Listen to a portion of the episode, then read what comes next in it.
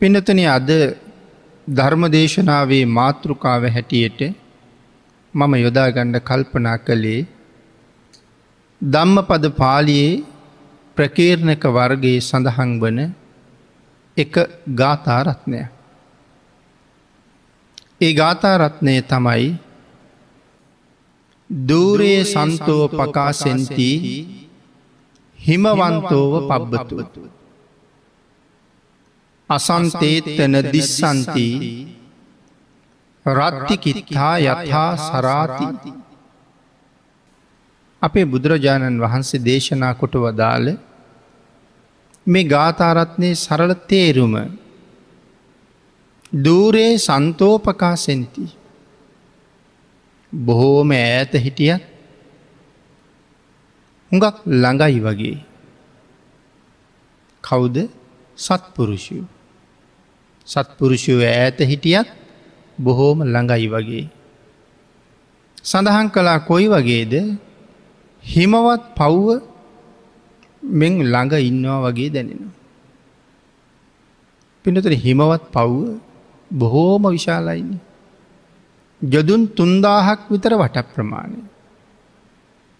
යොදුන් පන්සීයක් විතර උස ඒ විතරක් නෙවෙයි යොදුන් පන්සීයක් විතර උස කඳුමුදුන් අසූ හතර දාහකින් විතර සමන්විතයි. මේ තරන් දැවන්ත පරුවත රාජයා කොයි තරන් ඈතින් පෙනුනත් අපිට පේන්නේ ළඟ වගේ. අපි වුණත් ඈතින් කන්දක් තියෙනකොට අපිට පේන්නේ ළඟයිනෙ කියලා. නමුත් කඳු පාමුලට යන්ඩ හුඟ දුරයි ඒ වුණට අපිට ඈත තිබ්බත් පේන්නේ ළඟ වගේ. ආගේ නිසා සඳහන් කළා සත්පුරුෂයා යොදුන් ගානක් ඈත හිටියත් ළඟ ඉන්නවා. ඊළඟට සඳහන් කළා අසත්පුරුෂයෝ ළඟම හිටියත්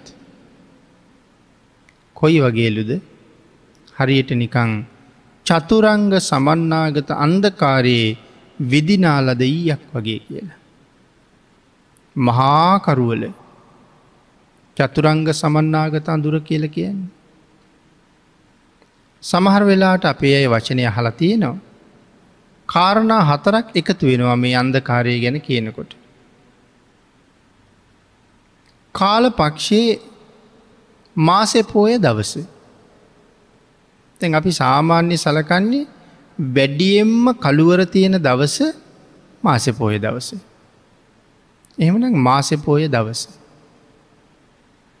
අහස වලාකුලෙන් බරවෙලා තියෙන මොහොත. සම්පූර්ණ මුළු අහස්සම වැහි වලාකුලෙන් පිරුණහම දවල්ටත් නිකං අඳුරුයි.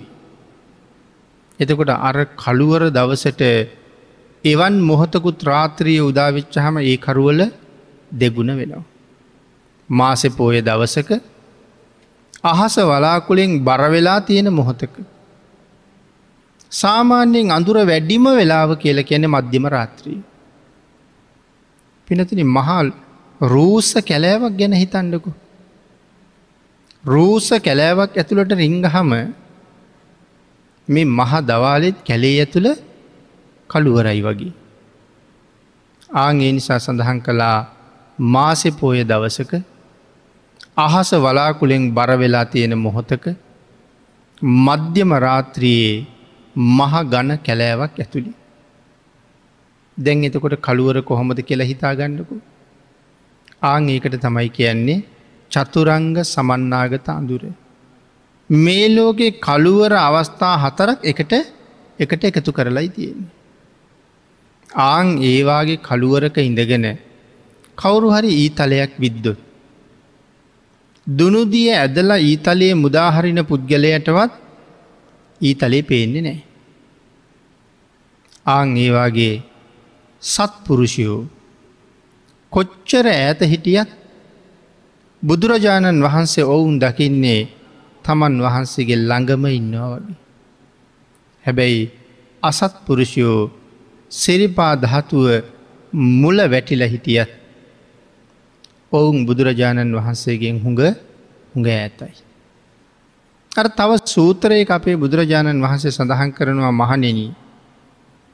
දුස්සීල භික්‍ෂුව මගේ සිවුරු කොන අල්ලගෙන මගේ පිටිපස්සෙන් හිටගෙන මම මගේ පියවර තියෙන අඩියක් අඩියක් පාසා ඒ භික්‍ෂුවත් පියවර මැනමැන මැනමැන බුදුරජාණන් වහන්සේගේ සිරිපා ලකුණ මහපොළොවේ සටහන් වෙන තැනම තමන්ගේ පාදයේ තියතියා සිවුරු පොටෙනුත් අල්ලගෙන පස්සෙන්ගෙනවා. සඳහන් කලා මහනිනී ඒ දුස්සීල භික්‍ෂුව එහෙම ළඟ හිටියට දුස්සීලයා මට හුඟාක් දුරින් ඉන්න. මට හුඟ ඈතයි දුස්සීලය. නමුත් මම දේශනා කරපු විදිහට ශ්‍රද්ධාවෙන් සිල්පද ආරක්ෂා කරගෙන වතපිළිවෙත පුරාගෙන යොදුන් දහස් ගණනක් ඇත හිටියත් මගේ වචනයට කීකරු සීලවන්තයා මට ඉතාම ළඟ ඉන්නවා වගේ කියලා. ඒ කතාවම තමයි මෙතනත් මේ කියවින්. මේ කියමනට ඒකත් හොඳ උදාහරණය. එතකොට මේක තමයි මේ ගාථාවේ සරල තේරුම. ඊළඟට භාගිතුන් වහන්සේ කාටද මේ ගාථාව දේශනා කළේ. මොන කාරණාව නිසාද බුදුරජාණන් වහන්සේ මේ ගාථාව දේශනා කළේ. මේ ගාථාව දේශනා කරන්නේ අනාත පින්ඩික සිටිතුමාට. අනාත පින්ඩික සිටිතුමාට දූවරු තුන් දෙනෙක් හිටිය. මහා සුබද්‍රා චූල සුබද්‍රා සුමන. අනාත පින්ඩික සිටිතුමා කුඩා කාලි. ඉගෙන ගන්න වයිසි. උග්ග නගරයේ උග්ග සිටිතුමාගේ පුතත් අනාත පින්ඩික සිටිතුමාගේ වයසමයි. මේ දෙන්නම එකම ශිල්ප ශාලාව තමයි ඉගෙන ගත්තේ. අධ්‍යාපන කටයුතු ඉවර වෙලා මෙදෙන හොඳ මිත්‍රයෝ උග සිටිතුමයි අනාත පින්ඩික සිටිතුමයි. ශිල්ප හදාරලා ඉවර වෙලා නැවත තම තමන්ගේ නගර බලා පිටත් වෙනකොට. මේ දෙන්න කතිකාවතක් ඇති කරගත්තා. යාළුවේ අපි දෙන්නගේ මිතුරුකම මෙයින් පස්සේ දුරස් වෙන්න බෑ. මේක හැම දාම එකට රැඳිල තියෙන්ට ඕනේ. ඒක තහවුරු කරගණ්ඩ මව්පියන්ගේ කැමැත්තට අනුව ඔබ දවසක විවාහ වුණහම ඔබට පුතෙක් ලැබුණු. මම විවාහ වුණහම මට දුවෙක් ලැබුණුත්. මගේ දුවට ඔබේ පුතා විවාහ කරවන්න ඕනේ. මට පුතෙක් ලැබිල ඔබට දුවක් ලැබුණොත් ඔබේ දුව මගේ පුතාට දෙන්න. එතකොට අපි දෙන්නගේ මේ සම්බන්ධය හුඟක් තහවුරු වෙනවා. එහෙම යෝජනා කරගත්තා. තැ අනාත පින්ටික සිටිතුමාට දුවලම තුන් දෙනෙක්ම ඉන්නවා. උග්ග සිටිතුමා පස්සෙ කාලෙ දවසක පණිවිඩයක් එව්ව මම සැවත්නුවරට වෙළඳාම එනවා මට රෑට නවතින්ට තැනක් ලැස්ති කරන්න කියලා. අනාත පෙන්ඩික සිටතුමා තමන්ගේ මාලිගාවේ ඒ සියල්ල සූදානන් කරලා දෙවනි දුවට කතා කළා. ඒ චූල සුබද්‍රා. දුවේ අද උග්ග සිටතුමා මෙහේනවා. දුවේ ඒ අනාගතය උඹේ තාත්තා. සිටතුමා වෙනුවෙන් කෙරෙන්ඩ තියෙනවනං යම් යුතුකං සමුදායක් ඒ සියල්ල ඔබේ අතිම්ම කරන්න ඕනේ. චූල සුබද්‍රා තාත්තගේ වචනය ඉතාම ගරු කළා. චූල සුබද්‍රා ආගන්තුක වෙන උග්ග සිටිතුමා වෙනුවෙන් කළ යුතු සියලුම කර්තව්‍යන් සම්පූර්ණ කළා. ඒ සිටතුමාට හදන කෑමවෙල්ලවත් දැසි දස්වලව්ව හැදවෙන තමම්මයි හැදවී. නාන්්ඩ ඕන වෙනාව වෙනකොට ඒ අවශ්‍ය සියලු පහසුකං හදල දුන්න. ඒ සියල්ලමත් සම්පූර්ණ කරලා තමන්ගේ යුතුකංටික ඉවර කළ. සිටතුමා පහුවදා යන්ඩ පිටත් වෙලා අනාත පෙන්ඩික සිටතුමාට මතක් කළා සිටතුමනී කාලෙකට කලින් කළගත්ත සාකච්ඡාව මතකද. ආං ඒ සාකච්ඡාවට අනුව මගේ පුතාට මේ චූල සුබද්‍රාව විවාහ කරලා දෙනවනම් මං කැමති කියලා. අනාත පින්ඩික සිටිතුමා බොහෝම ශ්‍රද්ධාවන්තයි. හැබෑම සත්පුරුෂයි සිටිතුමාගේ ඉල්ලීමට වචනයක් ඒ වෙලාවේ නුදුන්නට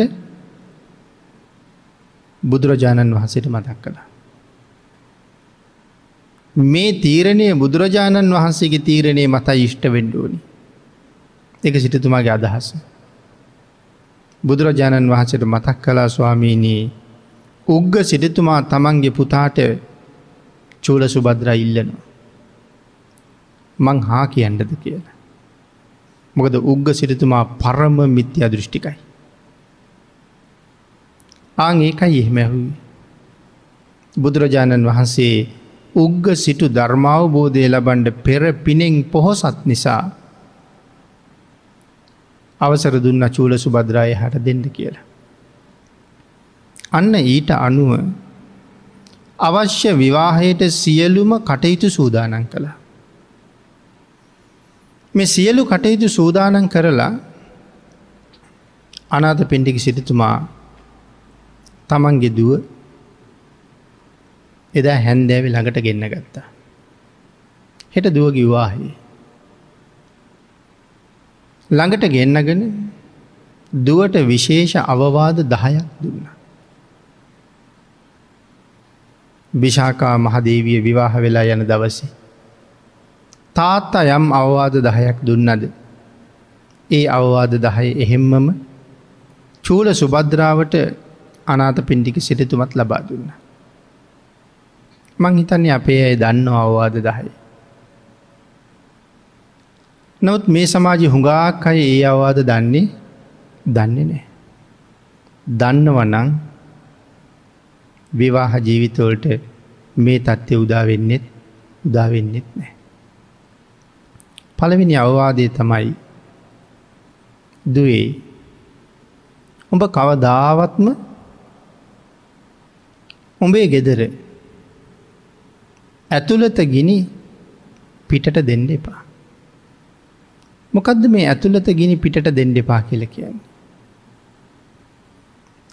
ඔබේ නැන්දම්මගේ යම් වරදක් තියෙනවන. ඔබේ මාමණ්ඩිගේ යම් වරදක් තියෙනවන. ඔබේ ස්වාමයාගේ යම් අඩු පාඩුවක් තියෙනවන. කවදාවත් ගෙයින් පිටත කවුරුවත් එක් ඒ දේවල් කතා කරන්න එපා. ඒ දේවල් විවේචනය කරන්න එපා. කාටුවත් කියන්ට යන්න එපා. ඇතුලේ තියෙනවනං ප්‍රශ්නයක් එක ඇත්තුලෙම විසඳන්ට. එලියට දෙන්න එපා. දුවේ දෙවනි අවවාදය පිටත ගිනි ඇතුළට ගණ්ඩ එපා.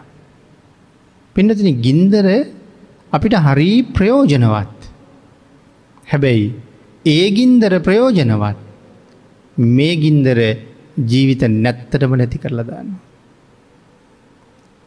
ටික දවසක් යනකොට පිට පැත්තේ ඉන්න අය.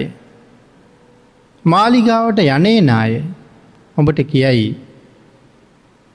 උග්ග සිටිතුමාගේ හැටි දන්නේන ඔබ දන්නේන ඔබ විවාහ කරගත්ත උග සිටිතුමාගේ පුතා ගැන දන්නවනං හිතන්නවත් නෑ විවාහවෙන්ට ආං ඒවාගේ ඔබේ ස්වාමයාගේ අඩු පාඩු කියයි ඔබේ නැන්දම් මගේ අඩු පාඩු කියයි. ඔබේ මාමණ්ඩිගේ අඩු පාඩු කියයි.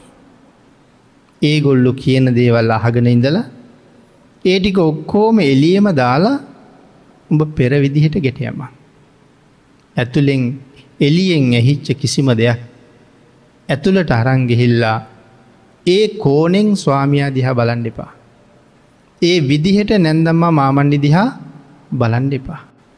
මව්පියෝ දිහා බලනවා වගේ තමන්ගේ නැන්දම්ම මාමණ්ඩි දිහා බලට. දෙවියෙක් දිහා බලනවා වගේ ස්වාමයා දිහා බලට. පිටත ගිනි ඇතුළට ගේන්ඩ එපා. ඊළඟට සඳහන් කළා දුවේ දෙන්නන්ටම දෙන්ඩෝනේ. ඕනෑම දෙයක් ඉල්ලගෙන යනවා යම් කෙනෙක් ආපහු ගෙනල්ල දෙන්න කියලා. ඒගොල්ලු කීව වගේම ගෙනල්ලත් දෙනවා. ආං එහෙම ඉල්ලගෙන ගිහිල්ල නැවත ගෙනල්ල දෙන අයට නැවත නැවත නැවත නැවත ඉල්ලනකොට දෙට. සමහර කෙනෙක් ගෙනල්ල දෙන්නම් කියලා ඉල්ලගෙන යනවා. හැබැයි ඒ අය කවදාවත් ලැබෙන්නේ ලැබෙන්නේ නෑ. ඒක අමතක කරලා ආයෙත් පස්සේනවා තවත් දෙයක් ඉල්ලන්ට. අනුකම්පා කරලා ඒකත් දුන්නහම ආයෙත් ලැබෙන්නේ නෑ. ගෙදර ඇතුළේ ඊට පස්සේ ගෙදර අය ඒ අවශ්‍ය දේවල් හොයනකොට නොතිබ්බහම ආය ප්‍රශ්න ඇතිවෙන්න එව්වා හේතු වෙන. ඒ හින්ද දෙන්නන්ටම දෙන්න නොදෙන්නන්ට නොදෙන්ට. පස්සෙන අවවාද කළා දුවේ දෙන්නන්ටත් නොදෙන්නන්ටත් දෙන්න කියලා. යමක් ඉල්ලගෙන ගිහිල්ල දෙනයටත්තා පහු දෙෙන්ඩ. හැබැයි ඉතාම දුප්පත් අය. පවුලේ ඉතාම දිලිඳු ඥාතීන් ඇවිල්ල යමක් ඉල්ලෙනවා. ඒවාගේ කෙනෙක් ඇවෙල්ල රුපියල් සීයක් ඉල්ලන්නේ ආපහු දෙන්ඩනෙමේ නැති බැරි කෙනෙක් ඇවිල්ල හාල්සේරුවක් ඉල්ලන්නේ ආපහු දෙන්ඩ නෙමේ නැති බැරි කෙනෙක් ඇවිල වස්ත්‍රයක් ඉල්ලන්නේ ආපහු දෙන්න නෙමෙයි. ආං එනිසා සඳහන් කළා දෙන අයටත් දෙන්ඩ නොදෙන අයටත් දෙන්න කියලා. ඊළඟට සිරිතුමා සඳහන් කළා දුවේ සැපසේම ඉඳ ගණ්ඩ කියලා. මොකද මේ සැපසේම ඉඳ ගණ්ඩ කියල කියන්නේ. නැන්දම්ම මාමණ්ඩි ස්වාමියා. අපි කියමු ගෙදර සාලි තියෙනෙ පුටු තුනයි. නමුත් හතර දෙනෙක් ඉන්නවා ලේලිත් එක්ක. ලේලි නැන්දම්මටයි මාමණ්ඩිටයි ස්වාමියයටයි තුන් දෙනාටම ගරු කරන්නඩුවන. එක ආසනයක් නැන්දම්මට ඕනේ අනික් ආසනයේ මාමණ්ඩිට ඕනේ අනික තමන් ඉඳගත්තොත් ස්වාමියා සාලිට එනකොට නැගිටින්ට වෙනවා. ඉඳගත්තට පස්සේ ආය නැගිටින්ට වෙනවන ඒක දුකක්. එක සැපසේ වාඩිවීමක් නෙමෙයි. ආං ඒක හින්දා ඒ ආසනයේ ස්වාමයාට ඉතුරු කරලා ඔබ වෙනත් සුදුසු තැනක ඉඳගනි. එතකොට නැගිට ඉන්ඩ වෙන්නේ. අසුන දෙන්ඩ වෙන්නේ නෑ. ඒක සැපසේ වාඩිවීම. මම මේ පුටුතුනේ උදාහරණය ගත්තේ කාරණාව පැහැදිලිවෙන්ඩ. එහින්ද සුදුසු අයට සුදුසු තැන ඉතුරු කරලා තමන්ට සුදුසු තැන වාඩි වුණ හම ආපහු ආපහු නැගිට ඉන්න වෙටනෑ. සැපසේම ඉඳගන්ට. සැපසේම අනුභව කරන්න. ස්වාමියා නැන්දම්ම මාමන්ඩි ආහාර ගත්තට පස්සේ. දැසි දස්සන්ටත් කෑමබීම තියෙනවද කියලා බලලා ඔබ ආහාර ගණ්ඩ සූදානගට. එතකොට කාගෙන්වත් බාධාවක් නැතුව කුසපුරා ආහාර වලඳලා නැගිටින්න පුළුවන්. නැත්තන් කෑම කන අතරිත් විටිං විට නැගිටින්ට වෙන්ඩ වෙන්ඩ පුළුවන්. සැපසේම සැතපෙන්ඩ. ස්වාමියයි නැන්දම්ම මාමණ්ඩි ඒ සියලු දෙනාම නිදාගත්තහම. වැඩ ඉවර කරලා නින්දට ගිය හම. දොර අගුල් වහලද බලලා ඒ සියල්ලමත් සම්පූර්ණ කරලා හැමෝටම පසුව ගිහිල්ල ඔබ නිදාගන්ට. එතකොට අහවල් අහවල් කාරණාවට දොර වහලද කියලා බලන්ඩෙන්ඩ එලියට ගිපු අය දොර වහලා ගියාද කියලා බලන්න මේ දේවල් ආපහු බලන්ඩු වමනාව වුවමනාවක් නෑ. සියල්ලම් පරීක්ෂා කරලා බලලා අන්තිමට නින්දට ගිය හම කිසිම බාධාවක් කරදරයක් නෑ කියල මතක් කළා. අන්න එහෙම කටයුතු කරන්න කියල සිරිතුමා පැහැදිලි කළා. එලකට සිරිතුමා සඳහන් කළා ගිනි දෙවියන් පුදන්ට මොකද මේ ගිනි දෙවියන් පුදන්ඩ කියලකිව. තමන්ගේ නැන්දම්ම තමන්ගේ මාමණ්ඩි තමන්ගේ ස්වාමයා ගින්දර වගේ දකිින්ට. ගින්දරට අපි හැමෝම බයයි. එනම් ස්වාමයාට නැන්දම්මට මාමණ්ඩිට හැම වෙලාම යටහත් ඇවතුම් පැවතුන් තියාගන්ට. ස්වාමයාට කොහොමත් යටහත් වෙන්ඩුවන. නැන්දම්ම මාමණ්ඩි තමන්ගේ අම්මතාත්තා වගේම දකිින්ඩෝනේ. මෙහෙම ස්වාමීක් මට ලැබුණේ මේ නැන්දම්ම මාමණ්ඩි නිසා. ඒගොල්ලො මට වඩා වැඩිමල්. වැඩිමහල් අයට මං මේ විදිහට ගරු සත්කාර කරන්න ඕන. අගේ හින්දා ඒගොල්ලො ගින්දර වගේ දකිින්ට. සර්ප රාජයෙක් වගේ ගොල්ලො දිහා බලන්ට. ස්වාමියයා දිහා දෙවියෙක් දිහා බලනවාගේ බලන්ට. බොහොම ගෞරුව පූර්වකව කටයුතු කරන්නට. එතකොට ඔබේ ජීවිතයේ බොහෝම ලස්සනයි. ඇතුළත දෙවියන් පුදන්ඩ කියලකීයුත් ඒ තුන් දෙනාම දෙවියෝ වගේ දකිට කියන එකයි. මෙන්න මේ උපදෙස් දහය. මනාව විස්තර සහිතව ඇයට පැහැදිලි කරලා පැහැදිලි කරලා උපදෙස් දහයක් දුන්නා විවාහයෙන් පස්සේ ඒ ගෙදර ජීවත්වෙන හැටි. මේ සිටතුමා තමන්ගේ දුවට කොයි තරන් ලෙංගතුද. මේ උපදෙස් දහය අපේ ජීවිතවලටත් එකතු වෙලා තියෙනවනං ඒ ජීවිත ගිනි ගොඩවල් බවට පත්වෙන්නෑ කවදාවත්. ඒ ජීවිත අපායක් බවට පත්වෙන්නෑ කවදාවත්. මේ උපදෙෂ්ටික ඇතුළේ ඉවසීම සීලය කරුණාව මෛත්‍රිය නිරහංකාර බව මේ හැම්ම එකක් මන්තර්ගත වෙලා තියෙනවා. යම් ප්‍රමාණය අපි ඒ සාකච්ඡා කළේ. එහෙම අයට වරදින්නේ කවදාව. දුවක් හදලා ලොකු උපාදියකුත් එක්ක දීග දෙනවට වඩා මේ අවවාද දහය මත පිහිටවලා ඇය විවාහ කරවලා දෙන්න පුළුවන්නම්. ඒ මහ ලොකු තනතුරක් තානාන්තරයක් දරණ තැනැත්තියකගේ විවාහයට වඩා එක හරි සාර්ථකයි. එහෙම ලොකු තනතුරු තානාන්තර දරන ලොකු අධ්‍යාපන සහතික තියෙන හුඟක් අය වර්තමානය අපිට උසාවියලට ගිය හම ඕන තරන් දකිින්ට පුළුවන් ආපහු වෙන් වෙන්ඩ ඇවිල්ල. නමුත් මේවාගේ ගුණ ධර්ම මත පිහිටලා හිටියන ඒක වෙන එකක් නෑ කවදාවත්. නමුත් මේවා අපි සමහර වෙලාවට දන්නෙත් නෑ දැනගණ්ඩ හුඟක් අය බනාහන්නෙත් නෑ අද මේ දේවල්ලෝට ගරු කරන්න තරන්න නිහතමානී බවක් බොහෝ දෙනාළඟ ඇත්තෙත් නෑ ඒ සියල්ලටම හේතුව ධර්මයෙන් ඇත්තෙච්ච නිසා. තාත්තා දුන්න අවවාද ටික දිවි හිමියෙන් පිළි අරගෙන ඇයි විවාහ ජීවිතයට ළඟවුණා. විශාකා මහ දේවිය විවාහ වෙලා ගියා වගේම තමන්ගේ රූප ස්වභාව සියලු දෙනාටම පෙනෙන්ඩ හැමේට පැහැමොටම පේන රථයක තමයි උග්ග නගරයට පිටත්වෙන්. ඇය උග්ග නගරයට ළඟා වෙනකොට මහ උග්ග සිටිතුමා තමන්ගේ පිරිසත් එක්ක ඇය පිළිගණ්ඩ පෙරමකටාව. හැබැයි මහ සිටිතුමා ඒක අනාත පින්ඩික සිටිතුමා ඇය විවාහ කරලා දෙන්නෙත් තමන්ගේ ගෙදරස් මහා සඟ සතු දන්දීල තමයි පිටත් කරන්න.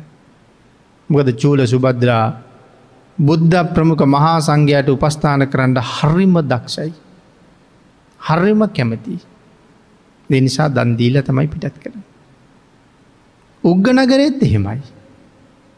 මහදානමය පින්කම විවාහය දවස. ඒත් මහා සංඝයටද නෑආචේලකයන්ට. චූල සුබද්‍රාවගේ දායාද රත සිය ගණන් පිටි පස්සෙන්ගෙනවා. උග්ග නගර මිනිස්සු ඇයට බොහෝ දේවල්වලින් උපහාර දක්වනවා. නැවතත් තමන්ට ලැබෙන උපහාර පූජා ආපහු මිනිස්සුන්ටම බෙදෙනවා. මිනිස්සු අතර මුළු උග්ග නගරේම ඇගේ ගුණය පැතිරිලා ඉවරයි. අපේ සිටිතුමාගේ ලේලී මේ තරං ගුණවත් කියලා හැම මිනිහෙක්ම කතා කරන. ගෙදරට ළඟා වෙනකොට උග්ග සිටතුමා පණිවිඩයක් එව්වා. අපේ ආර්යන්ට වඳින්ඩෙන්ට කියලා. අපේ කුල දේවතාවුන් පුදන්ඩෙන්ඩ කියලා. ඒ වුණට ඇයිගිය නෑ. එහෙ දන් දෙන්නේ අචේලකයන්ට. සියල්ලු දෙනාම නිර්වස්ත්‍රයි. දෙවනි දවස තුන්ගෙනි දවස හතර පහ හය හතා අට දවස්වල ඒ දන් දෙන හැම්ම මොහොතකම චූල සුබද්‍රාවට පණිවිඩයක් යව්වා අපේ කුල දේවතාවුන් වඳින් දෙෙන්ට කියලා. ඇ කිසි දවසක ගියනේ. උග්ග සිරිතුමාට හොද්දටම කේන්ති ගිය. කේන්ති ගිහිල්ල කිව්වා මැය වහාම ගෙදරින් එලවලදාන්න කියලා. අපේ කුලදේවතාවලු නිර්ලජ්ජිතයි කියල මෑ බයිනවා ලැජ්ජ නැතිය උන්ලු එහින්ද මැයිපා. හැබැයි සිටිතුමා ඇය විවාහ කරලා දෙනකොට පුරුෂයෝ අට දෙනෙක් ඇත් එක්ක යවුණු. අර මාලිගාවෙන් යම් හේතුවකින් දුවට චෝදනාවක් කළොත් ඇත්තටම දුව වැරදිද නැද්ද. සරුව සාධහරණ විනිශ්චයක් කරන්න ඕනේ. දුව වැරදිනං ඒ අපේ සිරිතුමාගේ දුව කියලා ඇගේ වැරදි හංගණ්ඩ බෑ. ඇය වැරදිනං වැරදිමයි කියන්න ඕනේ. නමුත් ඇය වැරදි නැතුව ඇයට චෝදනා කරනවා නං ඇයි නිර්දෝෂයි කියල තරේම කියා හිටින්ඩුවන. ඒ පුරුෂෝ කැඳවලාකි වයික්ක යන්න කියලයි. නමුත් ඒගොල්ලු සඳහන් කලා කාරණාව හලා ඇයගේ කිසි වැරද්දක් නෑ. ඇය සඳහන් කලා මට නිර්වස්ත්‍ර නිර්ලජ්ජිත අචේලකයෝ ළඟට ඇවිල්ල දැනගහන්ඩ බෑ. මම ශ්‍රද්ධාවන්තයි. මම බුදුරජාණන් වහන්සේගේ ශ්‍රාවිකාව මම සිව්වනක් පිරිසු උපාසිකාව මම වඳින්නේ බුද්ධ ප්‍රමුඛ ආර්ය මහා සංඝයටයි කියලා. ආං ඒ වෙලාවේ චූල සුබද්‍රාගේ නැන්දම්ම කිව දුවේ. ඔබේ ඔය ආර්ය සංඝයා ගෙන්න්නට බැරි දපිටත් බලන්න කියලා. පුළු හංකීවා. සැවැත් නුවරින්දලා යොදුන් එකසිය විස්සක් ඇතඉන්න. ඇය ඒ සඳහා සූදානන් වෙනවා. චූල සුබද්‍රා සමම්පිච්ච මල්වට්ටියකුත් අරගෙන. මාලිගාව උඩු මහන්තලාවට ගිහිල්ලා. ජේතවනාරාමි තියෙන පැත්තට හැරිලා දන්න ගහල පසඟ පිහිටවල වැඳලා බුදුරජාණන් වහන්සේට ආරාධනාවක් කළා ස්වාමීනී මගේ ආරාධනාව බුදුරජාණන් වහන්සේ පිළිගන්නා සේක්වා. ස්වාමීණි හෙට උග්ග නගරයේ උග්ග සිටු මාලිගාවට දනට වඩින සේක්වා කියලාර සමම්පිච්ච මල් අහසට විසි කළ. ශ්‍රද්ධාවන්තයන්ගේ ශ්‍රද්ධාවට කරන්න පුළුවන් දේවල්. අන්න ඒකයි සඳහන් කළේ සත්පුරුෂයෝ මොන තරං දුර හිටියත් ළඟ වගේ සිව්වනක් පිරිස මැද ධර්ම දේශනාව කර කර ඉන්න අපේ බුදුරජාණන් වහන්සේ චූල සුබද්‍රාවගේ ආරාධනාව පිළිගන්න. අහසට විසිකරපු සමන් මල් අහසින් මැවිල්ල බුදුරජාණන් වහන්සේගේ ශීර්ෂ දහතුවට ඉහලින් වියනක් බැන්ද වගේ නතර වුණ. එදා ධර්ම දේශනාව අවසානයේ ගොඩාක් සතුට පත්තේ චානාත පින්ටික සිටිතුමා. බුදුරජාණන් වහන්සේ ළඟට ගිහිල්ල ආරාධනා කරනවා ස්වාමීණි භාගිතුන් වහන්සේ මහා සංඝයා වැඩම කර වගෙන හෙට මගේ මාලිගාව දානිට වඩිට්ට කියලා. ඒ වෙලාවේ බුදුරජාණන් වහන්සේ සඳහන් කළා මහසිටිතුමනී ඔබේ ආරාධනාවට කලින් මම ආරාධනාවක් භාරගත්තා. දෙහිකට වඩින්ට බෑ. සිටිතු මාහනවා ස්වාමීනී මම විහාරයට ඇවිල්ල කොච්චර වෙලාද. වෙනත් තවත් කෙනෙක් එනවා මම දැක්කෙ නෑ. කෞදාරාධනා කළේ කියලා. මතක් කළා වෙන කවුරුවත් නෙමෙයි ඔබේ දුව චූල සුබද්‍රා. ස්වාමීනී ඇය කොහොම ධාරාධනා කළේ. ඇය ඉන්නේ සැවැත් නුවරඉඳල යොදුන් එකසිය විස්සක් ඇත. ආං එහෙම සඳහන් කරහමයි මෙන්න මේ ගාථාරත්නය දේශනා කළේ. දූරේ සන්තෝපකාසෙන්ති හිමවන්තෝව පබ්බතෝ අසන්තේත නෙදිස්සන්ති රත්තිංකිත්තා යතා සරාති. මහසිටිතුමනේ සත්පුරුෂයෝ කොයි තරං දුර හිටියත් ළඟ ඉන්නවා වගේමයි. ඒ අයි දුරනෑ සඳහන් කලා හිමාල පරවතය වගේ කියලා. එනම් හිමවත ගැන අපි මුලින් වචන කීපයක් සෙහිපත් කළා. යොදුන් තුන්දාහක් වට ප්‍රමාණයෙන් යුක්තයි. යොදුන් පන්සීයක් විතර උසයි. කඳු මුදුන් සාමාන්‍ය මිනිස්සු කාටවත් පේන්නේ පේන්නේ නෑ. කඳු අසූ හතරදාහක් පිරිවරාගෙනින්. ඇයි මේ කඳු මුදුන් පියවී ලෝකයේ සාමාන්‍ය මිනිස්සුන්ට පේෙන් නැත්ති. ඒ මුදුන් සම්පූර්ණයෙන්ම හිමෙන් වැහිලතින්. යොදුන් පන්සීයක් උසයි කියල කිය. සම්පූර්ණ හිමෙන් වැහිලා සමහර වෙලාවට හිමනිකං වැැක්කෙරෙනවා වගේ. හරියට කඳු මුදුන් වමන කරනවා වගේ හිම වමාරණවා වගේ පේනවා කියල සඳහන් කරනවා. අන්ගේ නිසා හිමෙන් වැැහුණ නිසා හිම වත කියල කියන. හිම නැමති ඇඳුම දරාගත්ත වගේ. මෙන්න මේ හිමාල පරුවත රාජයා මුදුනේ මොන තරං ආශ්චර්යමත් දේවල් තියෙනවාද. පින්නතිනේ රත්තරං පරුවත තියෙනවා කියල සඳහන් කරන්න. අපිට රංමාලයක් රංවලල්ලක් රං මුද්දක් හරි දුර්ලබයි හරි වටිනවා. නමුත් හිමාලි මුදනේ රත්තරං පරුවත. යොදුන් ගණන් උසයි යොදුන් ගණන් දිගයි රම් පරුවත. රෙදී පරුවත මැනික් පරුවත දියමන්ති පරුවත මේ හිමාලි තියෙන. ගංගා යමුණා අචිරවති සරබූ මහී කියන මහා ගංගාවල් පහක් මුළු ජම්බුද්ධීපය පුරා මේ හිමාලයෙන් නික්මිලා ගලන ඒ විතරක් නෙමේ පින්නතුනී කරණමුන්ඩ රථකාර සීහපපාත චද්දන්ත මන්දාකිනි කුණාල අනවතප්ත මෙ සුවිශේෂී විල් මේ හිමාලය ආශ්‍රය කරගෙන තියෙන. එකින් එකට එකින් එකට වෙනස්. මේ විල්වල අසිරිය වෙනම වෙනම විස්තර කරන්න ඕන. මන්දාකිනි පොකුණ කොයි තරං සුන්දරයිද කියන කාරණාව කොන්්ඩංජ මහරහතන් වහන්සේ පිළිබඳව දේශනාවිදි යම් ප්‍රමාණයක් පැහැදිලි කරලා තියෙන. අනවතප්ත විල කිසිම ජල්ලජ ජීවියෙක් නැති. තන්නි කරම පැහැදිලි නිල්ම නිල්පාට ජලයකින් පිරිච්ච පොකුණක් බව ධර්මය සඳහන් කරන. ඊළඟට කුණාල පොකුණ මනුස්ස ලෝකෙ සාමාන්‍යයෙන් දකිින්ට නැති නොයෙක් මත්ස්‍ය වර්ගවලින් පිරිච්ච. ඉතාමත්ම අලංකාර පක්ෂීන්ගෙන් පිරුණ පොකුණක් බව සඳහන් කරනවා.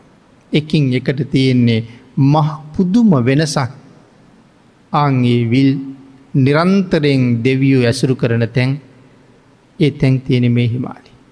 මේ හිමවත කොයි තරං දුර තිබුණත් ළඟ ළඟ වගේම පේනවා වගේ සත්පුරුෂෝ හැම වෙලාම හැමෝටම ළඟයි. සත්පුරුෂයෝ කොයි තරං ඈත හිටියත් ශ්‍රද්ධාවන්තයෝ මොන තරං දුර හිටියත් ධර්මයක් දේශනා කළොත් අවබෝධ කරලා මගඵල ලබන්නන් කොයි තරං දුර හිටියත් ඔවුන් එක්කෙනෙක් නමුත් හොයාගෙන බුදුරජාණන් වහන්සේ සැතපුම් දහස් ගනම් පයින් වැඩිය. අපි ඕන තරං ධර්ම දේශනාවල් අහලා තියෙනවා. අහවල් පුද්ගලයා සොයාගෙන බුදුරජාණන් වහ සැතපුම් දහස් කනක් වැඩිය කියලා. ලොවතුරා බුද්ධ රාජ්‍ය ලැබුවේ සකල්ල ලෝක සත්වයා වෙනුවෙන්.